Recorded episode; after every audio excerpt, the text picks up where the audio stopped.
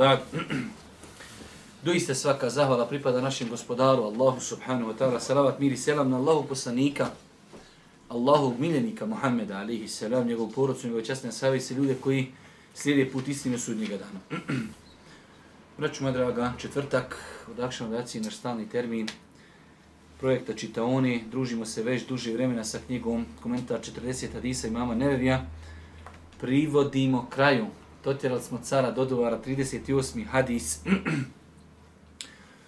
e, večera se družimo sa jednim veoma, veoma lijepim, interesantnim hadisom koji nosi u sebi mnogi, mnoge koristi. Hadis od Ebu Urivi, radijallahu ta'ala, se prenosi da Allah, sanik ali se selam, rekao, doista uzvišeni Allah kaže, znači rekli smo više puta u ovih 40 hadisa, imamo neve, ima nekoliko hadisa koji su hadis koji prenosi Boži poslanik od Allaha subhanahu wa ta'ala i taj hadis se naziva u stručnoj terminologiji eh, hadis el kudusi. kaže Allahu poslanik, doista uzvišeni Allah kaže ko uznemiri moga evliju, objavit ću mu rat. Ova rečenica nosi u sebi mnoga značenja i propise. Prva stvar, kaže, ko uznemiri moga evliju, ovaj hadis potvrđuje postojanje evlija. Jer da nema evlija, da ne postoje evlije, onda nelogično je da bude hadis ko uznemiri moga evliju, Allah će mu objaviti rat. Pa prva stvar, islamski učenjaci iz ovog hadisa uzimaju, ukazuje ovaj hadis na postojanje evlija. E, ako smo konstatirali da postoje evlije, onda moramo i pojasniti ko su evlije. Da li su to evlije neki posebni ljudi koji letaju u stapovima u zraku, na čilimima, klanjaju akšam u Meki, a jaci u Bosni ili nešto drugo?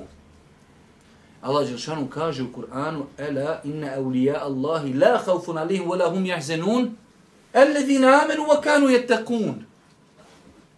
Allahove evlije kaže neće strahovati i neće se žalostiti. I pojašnjava Allah ko su. Alladine amenu wa kanu yattaqun, oni koji su vjerovali i koji su se Allaha bojali. Pa je termin evlija, kao što kaže Šeib bin Bazi, drugi učenjaci, svaki mu'min je evlija Allahov. Vjeruju Allaha i boji se Allaha subhanu wa ta'ala.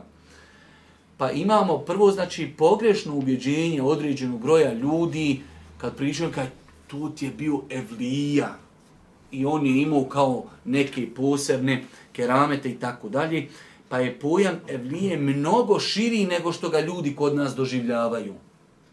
Pojam evlije je mnogo širi nego što to kod nas ljudi doživljavaju. Vraćamo se ponovo pa kažemo ovom hadisu, kaže uzvišen Allah, ko uznemiri moga evliju, objavit ću mu rat. Ovaj hadis potvrđuje opasnost uznemiravanja mu'mina. Opasnost uznemiravanja mu'mina. Jer mi po vanjštini kažemo ovo je mu'min, samim tim on je evlija. Samim tim uznemiravanje bespravedno tog čovjeka može biti razlogom da neko potpadne pod ovaj hadis. Da mu uzvišeni Allah objavi rat. Što je opasno. Vi znate, samo za jedan grije u Kur'anu ima prijetnja da uzvišen Allah će toj osobi objaviti rata, to je kamata. U sunnetu Božijeg poslanika nalazimo prijetnju, a to je ko uznemirava Allahove pokorni, iskreni robove, njegove evlije. Ko uznemiri moga evliju, objavit ću mu rat. Znači jedna velika prijetnja, ovaj hadis potvrđuje postojanje evlija, potvrđuje zabranu uznemiravanja bespravedno uznemiravanje Allahovi robova do te mjere da se prijeti onome ko uznemirava bespravno Allahove robove da će mu Allah objaviti rat. E, ajde da kažemo, bezazleno je govoriti koliko je to velika prijetnja da Allah Đelešanu nekome prijeti ratom.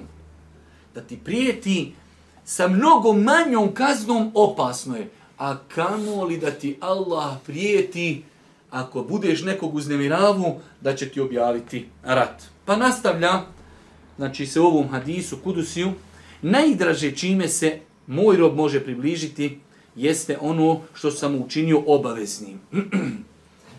najdraža stvar kod Allaha jeste ono što je strogo naređeno. Samim tim vidjet ćemo iz ostatka hadisa da ćemo shvatiti da u islamu imaju stvari koji su strogo naređene, imamo stvari koje su pohvalne i dobrovoljne. Pa je logika i raspored prioriteta u životu da čovjek daje prednost uvijek onome što je naređeno. Nelogično je primjera radi. Primjera radi. Čovjek klanja noćni namaz cijelu noć i sutra ne klanja saba, prespavu. Klanjanje sabaha je farz, vađib, a klanjanje noćnog namaza je na fila. Pa je nelogično da se čovjek zaokupira sunnetom, dobrovoljnim nečim, a preskoči farz. Pa kaže, uzvišen je Allah u ovom hadisu, kuciju, najdraži nešto što može moj rob uraditi, jeste da uradi ono što mu je strogo naređeno farz. I zato u životu sebi uzmite pravilo. Prvo da ispunim farze. Prvo da ispunim naredbe. Prvo da ispunim ruknove. Nakon toga dolazi na file. Farz, definicija farza, jeste dijelo koje je naređeno. Ako ga čovjek uradi, bit će nagrađen, ako ga ostavi, bit će kažnjen. Ovo je veoma bitno znati. Sad nam dolazi e, drugi dio hadisa, znači prvi dio je, kaže se, najdraže čime se moj rob može približiti meni jeste ono što sam mu učinio obaveznim. I neće prestati moj rob približavati se meni na filama sve do ga ne zavolim. Sada dolazi drugi stepin. Prvo je čovjek ispunio farze. To je ono za što će biti pitanje. Ako ostavi to, bit će kažnjen. Sada dolazi drugi sloj ibadeta u islamu na file. Definicija na file je ako uradiš imaš sevap kao i farzi. Ali ako ostaviš neš biti kažnjen. Ja znam nekim ljudima je mnogo teško kad se ovo govori. Ali zbog ilma, zbog emaneta mora se reći. Imate kod nas ljudi mogli klanjati deset rekiata podni. Ne mogu. Neću ni klanjati. Čovjek u firmi. U njega je podni deset rekiata. Ovi se prvi zovu suneti, ovi drugi farzi. Ali to nema razlike nikad. Svi su farzi. Mogli ja klanjati deset rekiata? Ne mogu. Neću ni klanjati. Pa je veoma bitno znati razliku. Šta je farz, šta je sunnet? Farz je dijelo koje je naređeno. Ako ga uradimo, imamo sevap. Ako ga ostavimo, imamo veliki grijeh i kaznu. Na fila je dijelo koje ako uradimo, imamo sevap. Ako ga ostavimo, nismo griješni. Zato kažemo kad čovjek nikad u životu ne bi klanio sunnete. Nikad u životu ne bi klanio teraviju. Neće na sudnjem danu ga Allah piše što nisi robe klanio teraviju. Ali mu teravija može trebat. Mogu mu sunneti trebat. Ako mu zafali gdje od farza, upotpunit će se kao što je došlo u vjerodostim hadisima na filama. Ali nije griješan. Pa čovjek ako je na poslu i ne može klanjati 10 rekiata podne, ali može 5 minuta odvojiti pauze, klanja farze, klanja će farze, mora ih klanjati, jer je to farz. Pa je veoma bitno poznavati propise Islama, da bi čovjek znao se ponašati s odno situaciju u kojoj se nalazi. Pa znači, kaže se, najdraži dijelo koji čovjek može uraditi jesu farzi. Neće prestati moj rob da se približava meni na filama, dobro, dobrotvornim dijelima, koja nisu obavezna, sve do ga Allah ne zavoli. Dobro, to je velika stvar. Da čovjek radi na file i da time postiže Allahovu ljubav. Nema, braću, madra, mi dosta puta nismo svjesni veličine te nagradi. Postiće Allahovu ljubav. Završeno. Šta mu'minu treba na planeti nakon toga što ga Allah zavoli? Završeno. Pa slušajmo nagradu. Pa kaže, a kada ga zavolim, ja postanem njegov sluh kojim čuje, njegov vid kojim vidi, njegova ruka kojom prihvata i njegova noga kojom hodi. To je nagrada. Svakako, braću moja draga, nemoguće je Danas sam možda, samo Allah zna koliko sam knjiga otvorio, tražeći komentar ovog hadisa. I ako znam komentar, ali želim baš, hajde da kažemo, istraživo sam određena pita, nikad niko do Lemi nije rekao, ovaj hadis je po njegovoj venštini. Čovjek kada radi na file, Allah ga zavoli, Allah postaje njegova ruka, njegove oči. Ne.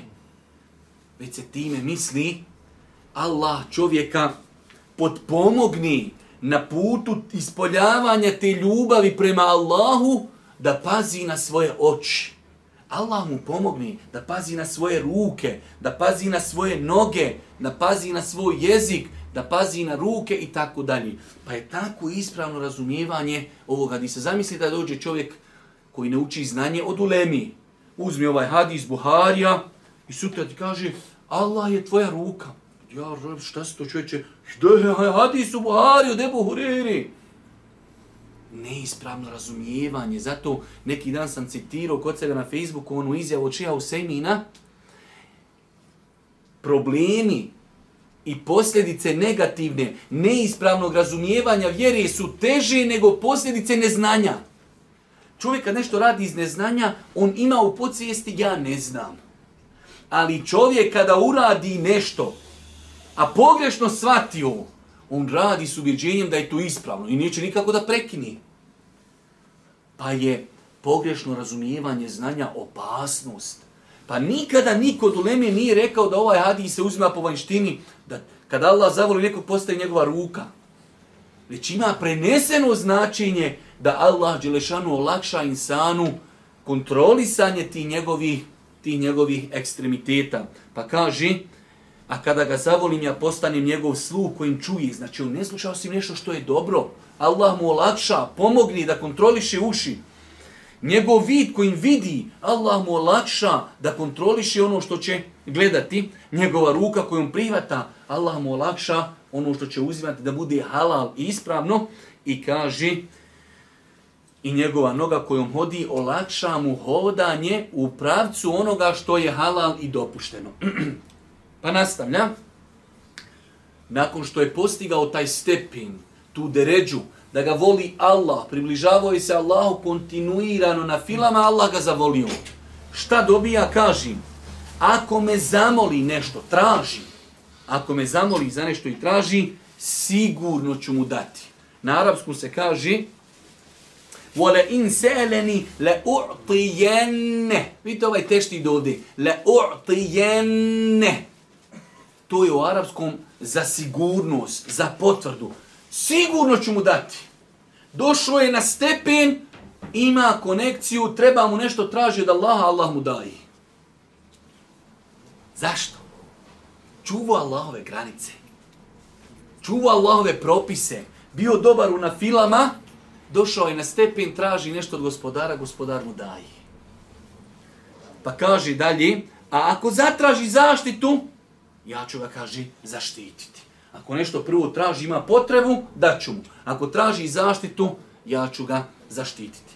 Pa je ovo jedan veliki hadis, e, rekli smo, e, njegova osnova, njegov početak jeste da uzvišeni Allah prijeti ljudima koji uznemiravaju njegove robove. I zato ćete danas vidjeti ovo što imamo velike kampanje protiv vjernika, protiv vjernica, pazite, vrijeme igra za nas, kad kažem za nas, za vjernike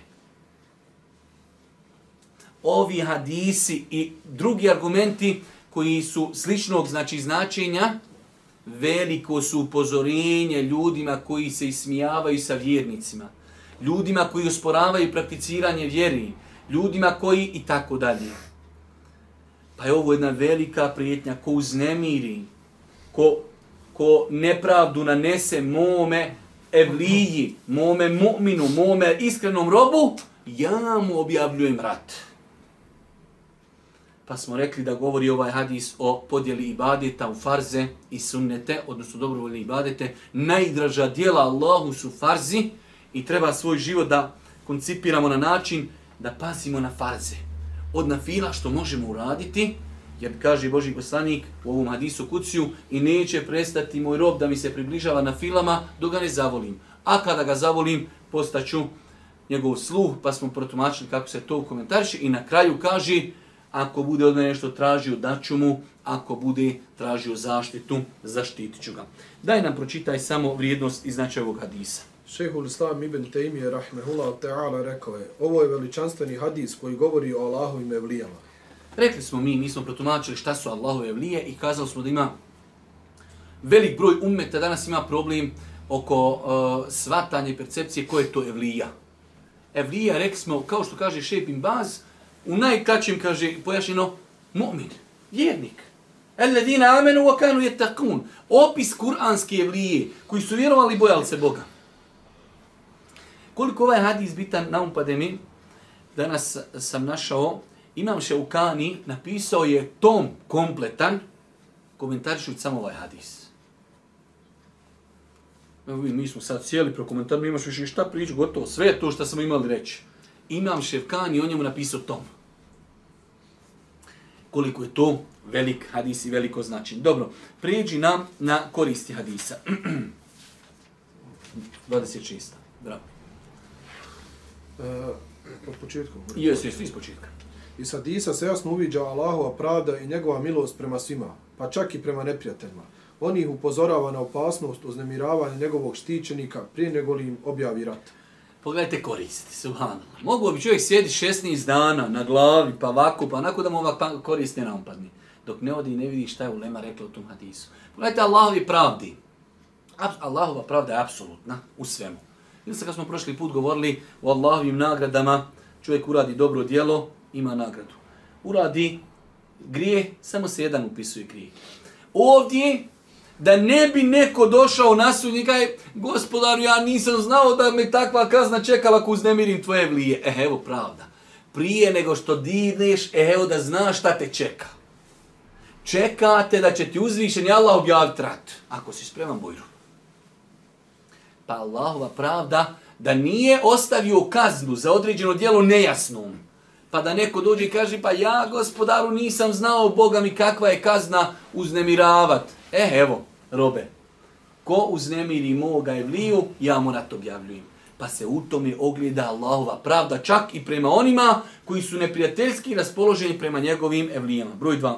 Hadis upozora, upozorava na uznemiravanje Allahovih štićenika, te pojašnjava da je uznemiravanje i iskazivanje neprijateljstva prema Allahovom štićeniku veliki grije.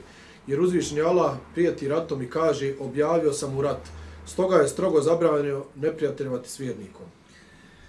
Jasno, znači iz ovog hadisa, mi smo to spomenuli, iz ovog načina obraćanja, kada imamo ovakav način da se prijeti određenom počiniocu, istoga proizilazi da ono zbog čega se prijeti je veliki grijeh.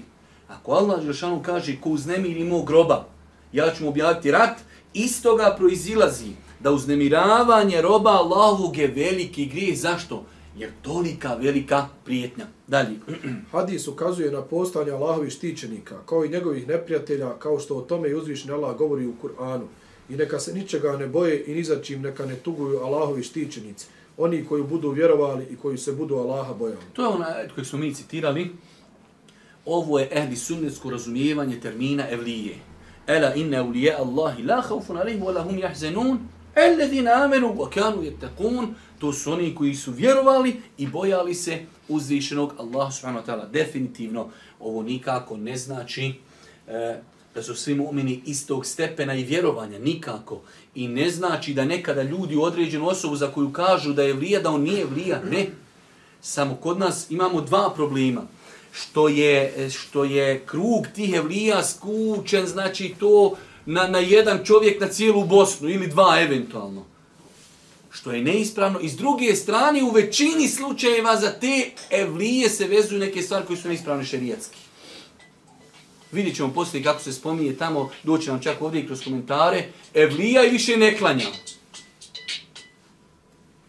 Pa znači, evlija je onaj ko vjeruje Allaha i koji se boji uzvišnog Allaha subhanahu wa ta'ala, a znači to što se nerijetko kod nas ono vezuje, vidli ga na hađu, on bio u Bosni na Kiki, sjedio, bio na refatu, bio na mini, klanju akšan, bio ovdje, bio ondje, to nema se vlijavma nikakve, ama baš, jer Ibn Taym je rahmetullah jalej kaže, ako bi vidjeli čovjeka da leti u zraku ili hodi po vodi, šta je rekao Ibn Taym Šta ćemo u rad sa takvim? On je rekao nemoguće. Njegova, kaže, dijela izvagajte Kur'anom i sunnetom. To je. Može se desiti. Vi znate da Ebu Ala el-Hadrami sa vojskom 4000 ljudi prešao preko mura i tu kaže, prešli smo, konji nisu kopite smokli. To su kerameti. Ali uzmeš Ebu Ala el Hadramija i staviš ga na rengen, sunnete i Kur'ana, zzz, kaže, ok, tamam, ispravan. Ovaj leta na čilimu ko Aladin sa čarobnom lampom, staviš ga, klanja, posti, a, o, ništa, zzz, kaže, on je stigo da ređu, on više ne klanja, ne posti, kaže, ja, ovaj leta što ga nosa na moni, to je to. Zavr, jedan plus jedan, to nemoguće drugačije. Imaš sam dvije verzije, ili ga nosa a moni, ili ga je uzvišen Allah pomogu. I kako ćemo sazvati? To šta je njemu u srcu, to nas ne interesuje. Rengen su vanština i dijela. Da vidimo kako se ponašaš, šta radiš i to je to. Dobro, dalje. Ukoliko je veliki grijeh uznemiravati Allahovog evliju i neprijateljski se odnositi prema njemu, onda ga je obaveza voljeti i prema njemu biti skroman. Obrnuto. Ako nam je zabranjeno, imate dosta puta, e, čak to imate dosta puta u fikhu, znači ovdje je došlo, ako je ovo zabranjeno, onda treba da radimo suprotno tome, a to je da volimo Allahove subhanahu wa ta'ala e, iskreni robove, mu'mine i da se lijepo prema njima obhodimo. Dalje. Hadis potvrđuje da uzvišeni Allah objavljuje rat onako kako to njemu priliči. E, pazite, najbolji metod, imat ćete mnoge hadise, ne mnoge, ali ima dosta hadisa, eno imate hadis, spuštanje uzvišnog Allaha u zadnjoj trećini noći. Evo ovaj hadis. Nigdje nema da su ashabi rekli Allahu poslaniće, a kako to sad Allah objavi rat? Ko što kod nas, dok objaviš hadis ovaj zadnjoj trećini noći, odmah ti dođe neko koje je malo nadimio se u nekoj šafani, sad neću govoriti kakva je ta šafana, ako znate termin šta znači šafana, to je mjesto gdje se suše šljive i e, suho meso. E, i on ti odmah kaže, a kako se spušta? Znači, odma crvi iz njega izlaze, virusi izbijaju, nešto. Da li je neko da sahaba upitao nekad poslanika, a poslaniće, kako to Allah silazi na, na, na dunjalučko nebo? A kako ovdje će mu Allah objaviti rat? Onako kako Allah doliči. Završeno. Semijana vatana, čuli smo i pokoravamo se. Nema tu filozofije. E, je li pustiš tu, sam kada malo proviri da otvorim, da, da upitam. To kad otvoriš, to se ne mre zatvoriti. Lejse ke mislihi šej. Ništa nije ko Allah. Ne možeš ga ničim poredit. Boži, nama je najbitnije samo da vidimo je li hadis je rodostojan. Je to kuranski opis? Jest. Amin. Semijana, vatana, čuli i pokoravamo se. Završeno. Bez ikakve filozofije. Dobro, dalje, broj sedam.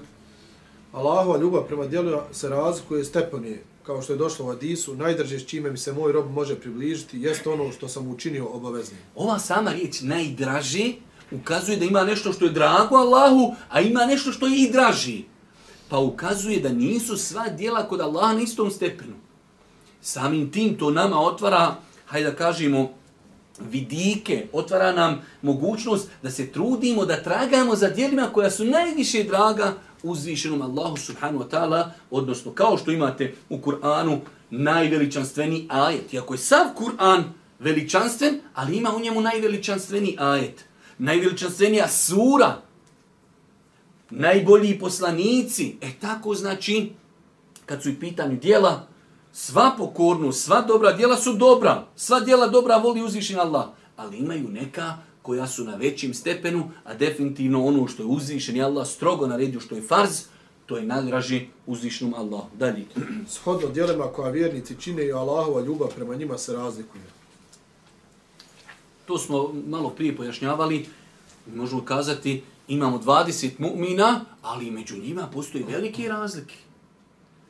Sve su to mu'mini, ali među njima postoji razlika shodno dijelima koja radi, shodno njihovoj pokornosti, shodno njihovoj e, jačini njihovog imana. Hadis pojašnjava da samo dobra djela i pokornost približavaju osobu Allahu. Odnosno, neispravna je tvrdnja onih koji kažu da se može postati evlija i doći do Allahu i blizine i ljubavi na neki drugi način mimo propisanog ibadeta. E, ne znam da li će to ovdje pojašnjavati. Doće poslije. Ok, ok, definitivno postizanje, na koliko mjesta u Kur'anu imate, kaže, oni koji vjeruju i radi dobra. Bima kanu ja'melu, zbog onoga što su radili, kad se govori o džennetu, o džennetskim uživanjima, nije nigdje došlo zbog onoga što su sjedili kod kući. Bima kanu ja'melu, zbog onoga što su radili. Svakako, ovo nije u kolizi sa onim vjerodostojnim hadisa Boži poslanik kaže, niko od vas neće ući u džennet zbog svojih dijela. Nemoguće ljudi, nemoguće. Šta misliš danas da zaradiš novo auto? Trebaš na 10 godina. Koliko bi godina trebao da živiš kod 30 puta ko Nuh, ali selam pa da zaradiš džennet? Nemoguće. Tolika su džennetska uživanja da ga je nemoguće zaraditi. Ali možemo mi svojim dijelima šta? Zarati Allahu milost. Pa da Allahovu milošću uđemo u džennet. Kao što svojim dijelima možemo izazvati Allahovu srđbu. Ali ne mogu ti kažeš, ja sam ibadetio, ja sad zaslužujem džennet. Nemoguće. Hata enta ja rasulal, čak niti, čak ni ja. Poslanik kad je rekao, a sam ovaj hadis kaže, niko od vas neće ući u džennet zbog svojih dobrih dijela. Kaže, hata enta ja rasulal, čak i ti. I ja, kaže, neću ni ja. Osim da me Allah svojom rahmetom i milošću obaspe i uvede. Pa znači, čovjek se treba truditi da zasluži Allahu subhanahu wa ta'ala milost nikako, znači nekim tvrdnjama, ja volim, ja ovako i, i vidite koliko imate kod nas ljudi koji su bolesni od ove teorije. Ništa, on ne klanja, ne posti. On ima sve grijehe od Adema ali selam do današnjeg dana, sve on ima u svome dosjevu, ali kaj, ja sam mumin, ja vjerujem, ja dobar, moj dedo, moja nene, svi bili ovdje, svi bili ondje. Paša, dragi, ok, dedo, nene, ti misliš tako da ćeš to tamo ulaziti, ono, hajde povedi koliko hoćeš svoje familije. Pa Islam traži bima kanu ja'melun zbog onoga što su radili. Dalje. Allahove propisi dijele se na obavezne i dobrovoljne. Jasno, hadis ukazuje na to i rekli smo, ova nam je podjela mnogo bitna u datom momentu kada, kada čovjek ima određene potrebe. Ako nešto moram preskočiti, ako nešto moram izostaviti, izostavit ću nešto što je dobro, nikako nešto što je obavezujući. Pa je bitno, zašto, zašto je Ulema govorila ovim, zašto tamo imate uvijek u knjigama fikha farzi, sunneti, vađib, mustehab, mekruh, mendub, da čovjek zna sve te stvari suta shodno situaciji da se može tako i ponijeti. Mi smo neki dan, Vidim ovdje ima par braća koji su pristali, imali smo jedan seminar, pa nam je Šeji Safet držao jedno predavanje, pa je malo se dotaku temi klanjanja u avionu. Pa imate 70-80 ljudi hoće da klanja u avionu, vidici 60 centi kvadratni. I sad treba 300 ljudi da dođu da abdesti. Ha, izlazi sunce, nema vremena. Kako ćemo klanjati, šta ćemo? Zato jeste znanje da znam šta moram, šta mogu izostaviti, šta ne mogu izostaviti. Moram li klanjati okrenut prema kibli, mogu li sjedički, mogu li uzeti tejemum, šta ću, kako ću. Zato i je znanje da znam šta mi je obaveza, da znam šta mi je farz, da znam šta mi je ob, uh, sunnet, šta mogu preskočiti, šta ne mogu preskočiti. Dalje. Ono što uzvišnji Allah strogo naredio i propisao, to je i najdrži Allahu i s time se vjernik najviše približava Allahu. Definitivno. Dalje. Prilikom činjenja obaveznog i dobrovoljnog ibadeta, predno se daje obaveznom, što znači da nije prihvatljivo obavljanje na fila, a za postavljanje vađba. Odnosno, dobrovoljni ibadet se ne prima ako se ne izvršavaju obavezni ibadeti jer se na fila ne naziva na filom osim kada slijedi nakon obaveznog ibadeta.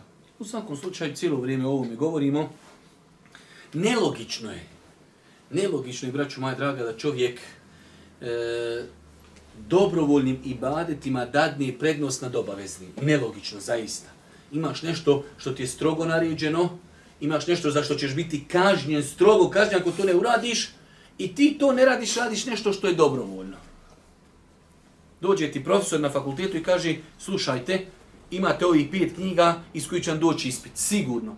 A imate još tri knjige sporedne, lijepo je da malo čitate o toj tematici. Kaže, ja ću ove tri, pročitati, ovi pet neću. Pa šta propaćeš sto posto? Pročita ono što je rekao profesor da će iz ovih pet doći. Ovo ako stigneš malo generalno kao da imaš, hajde da kažemo, informacije o toj nauci ekstra. Ali ne loži, ja sam ću iz ove tri, valjda će doći nešto što ja... Nije ispravno. Pa je nelogično davati prednost na filama nad farzima. Dobrovoljni ibadeti popunjavaju praznine i nedostatke nastale u obaveznom ibadetu. Definitivno.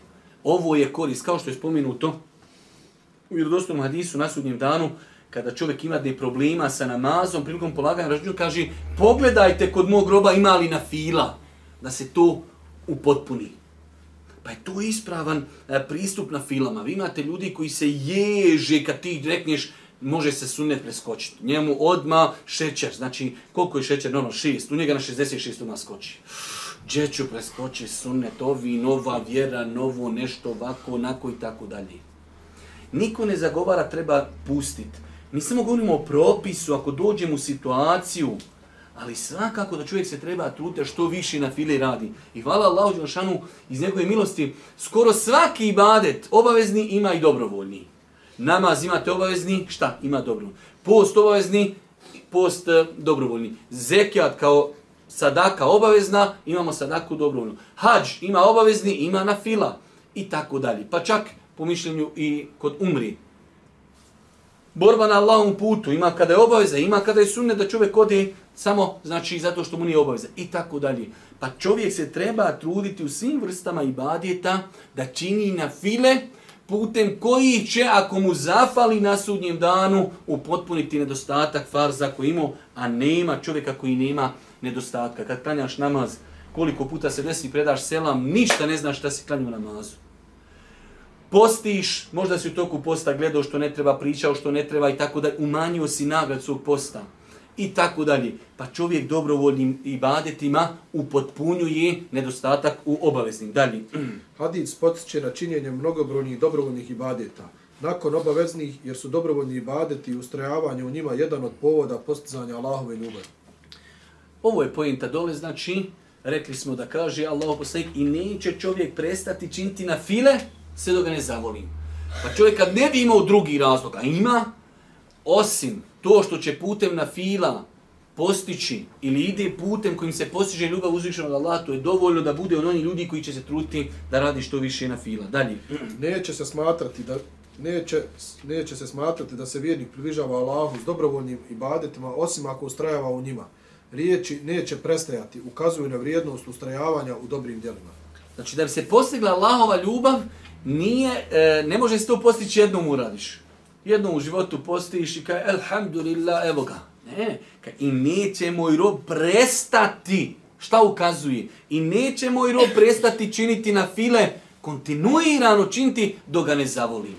Pa da bi se postigla Allahova ljubav, uvjetuje se kontinuirano činjenje dobrovoljnih dijela. Dalje.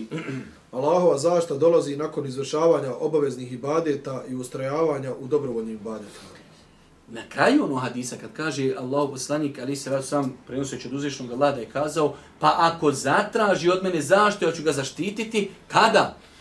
Prvo ispunio farze pa je kontinuirano radio na filu. Nakon toga kad ako to uradi ja ću mu to dati. Pa da bi čovjek znači zaslužio Allahovu pomoć i zaštitu treba ispuniti ova dva uvjeta. Dalje. U hadisu se nalazi odgovor onima koji kažu da je vlija, kada dostigne taj stepen, ne treba više činiti badet, s njega spadaju sve vjerske obaveze. Naprotiv, u hadisu se jasno napominje da takva osoba još više mora čuvati obavezne ibadete i neprestano ustrajavati u dobrovoljnim. Odnosno, koliki god stepen vjernik postigao kod uzvišnog Allaha, ne smijemo prestati činiti badetu. Upravo kako uzvišni Allah i kaže, i obožavaj svoga gospodara sve dok ti smrt ne nastupi. To vam je ona poznata, onaj teorija dalaleta i zabluda čovjek kao može biti jedno vrijeme pobožan, pobožan, pobožan, pobožan, znači toliko se on eh, onaj napuni i onda kaže gotovo, vrh sam dostigo, zato što ljudi, da Allah oprosti, ljudi ne uživaju u ibadetu. Vi čovjeku koji, koji uživa u ibadetu, mu rekao ne šiše klanjati. On mi rekao, hoću ja klanjati jer ja ne mogu bez toga. Ali problem što mi radimo ibadet, ja sad pripremam jedno predavanje, možda čak i neki serijal, neki video klipova, slasti badeta. Mi velik broj ljudi ima kod nas, ja se nekad divim ljudima, čovjek klanja 50 godina, on ne zna šta uči. Znaš, znači koji je to čovjek, heroj, zlatni ljiljan? 50 godina klanja čovjek redovan u džamze i ne zna šta uči. To pa, znaš šta je? On je jači od, od pećini. Allahom se kunim. Njegova snaga, kako izdurat? Mislim da ti neko kaže, svaki dan trebaš dom leđe na čaši i sjet i slušat neki kinez drži neko predavanje, ti svaki dan slušaš i 60 godina on, džun, džun, džun, džun, džun, ti doješ, sašaš i kući, posašaš i kući, i, sva, i svaki dan. Paša čoveče, to bi trebao zaista izdurat. I čovjek koji klanja, ne razumije, problem kod ovih, kaže, dostigo nivo i više ne klanja. Božji poslanik je bio poslanik i toliko uklanio na filu da su mu noge oticale. Ovaj bolji od poslanika. Poslanik zadnj, do zadnjeg dana pada unjesvijest, ustani, probudi, savdesti i klanja. On kaže, mi smo došli do nivoa, mi više ne klanjamo. Čibuk samo, lulu, namotaj duhana, ka, hajte vi klanjajte, ja sam kaj oba, ja sad kaj u Meki dole klanju. Nema kaj guže, tavafio sam fino. Vau, bili smo kod čovjeka, sad iz Meki došao. Jes, malo sutra došao iz Meki. Kaj došao je na dređu više ne ibadeti. Veća dređa od poslanika, poslanik do zadnjih dana ibadeti. Do zadnjih dana noći namaz klanju jer lik ne osjeti slast ibadeta. Da osjeti slast ibadeta, vallahi, ne bi ga mogo odvojiti di ibadeta. Da mu kažeš, slušaj, ti si dostigo da ređu, jok, jok, nisam dostigo da me da još ibadeti. Njemu dosadilo, jadnik, šta da izmisli neku foru, to je šeitan morao došak na svojim 60 lanac, šeitan i da nje, 60 tan došak kaže ima deređa da ne moraš više ibaditi i on to proguta iz fabrice kaj jest. Došao sam na deređu da ne moram ništa više ibaditi i dođu ljudi i vjeruju. Aj što je on ograjsu, ali što je ograjsu ovaj komu to povjeruje, to je najveći problem. Dalje. Kada Allah zavoli svoga roba, biva s njim tako što usmjeri njegova čula prema onome s čime on zadovoljan. Ovdje se misli njegova čula, ono sve što je spomenuto. Znači, kada Allah Žešanu zavoli svoga roba, kad on na, e, čini i na file i Allah ga zavolio, Allah mu olakša čuvanje njegovih čula čuvanje ušiju, čuvanje očiju, čuvanje jezika, jer ima razno raznih drugih predaja u kojima su spomenute neke druge stvari. Dalje. Kada Allah zavoli svoga roba i on postane Allahov evlija, Allah mu da ono što traži i zaštiti ga od onoga od čega traži zaštitu. Tako da mu se ostvari ono što traži i od njega se odagna ono od čega on strahuje. To je sodno kraj onog hadisa. Allahom štićeniku se prima i uslišava dova. Jedna znači od vrijednosti ovog hadisa jeste da insan kada dođe na stepen ispunjuje farze, e, radi čisto na file, kontinuirano da ga Allah zavolio, jedna od, znači, nagrada jeste da se njegove dove primaju kod uzvišnog Allaha. Dalje. Što se čovjek više približava Allahu, to je veća mogućnost da mu dove budu uslišane. Logično.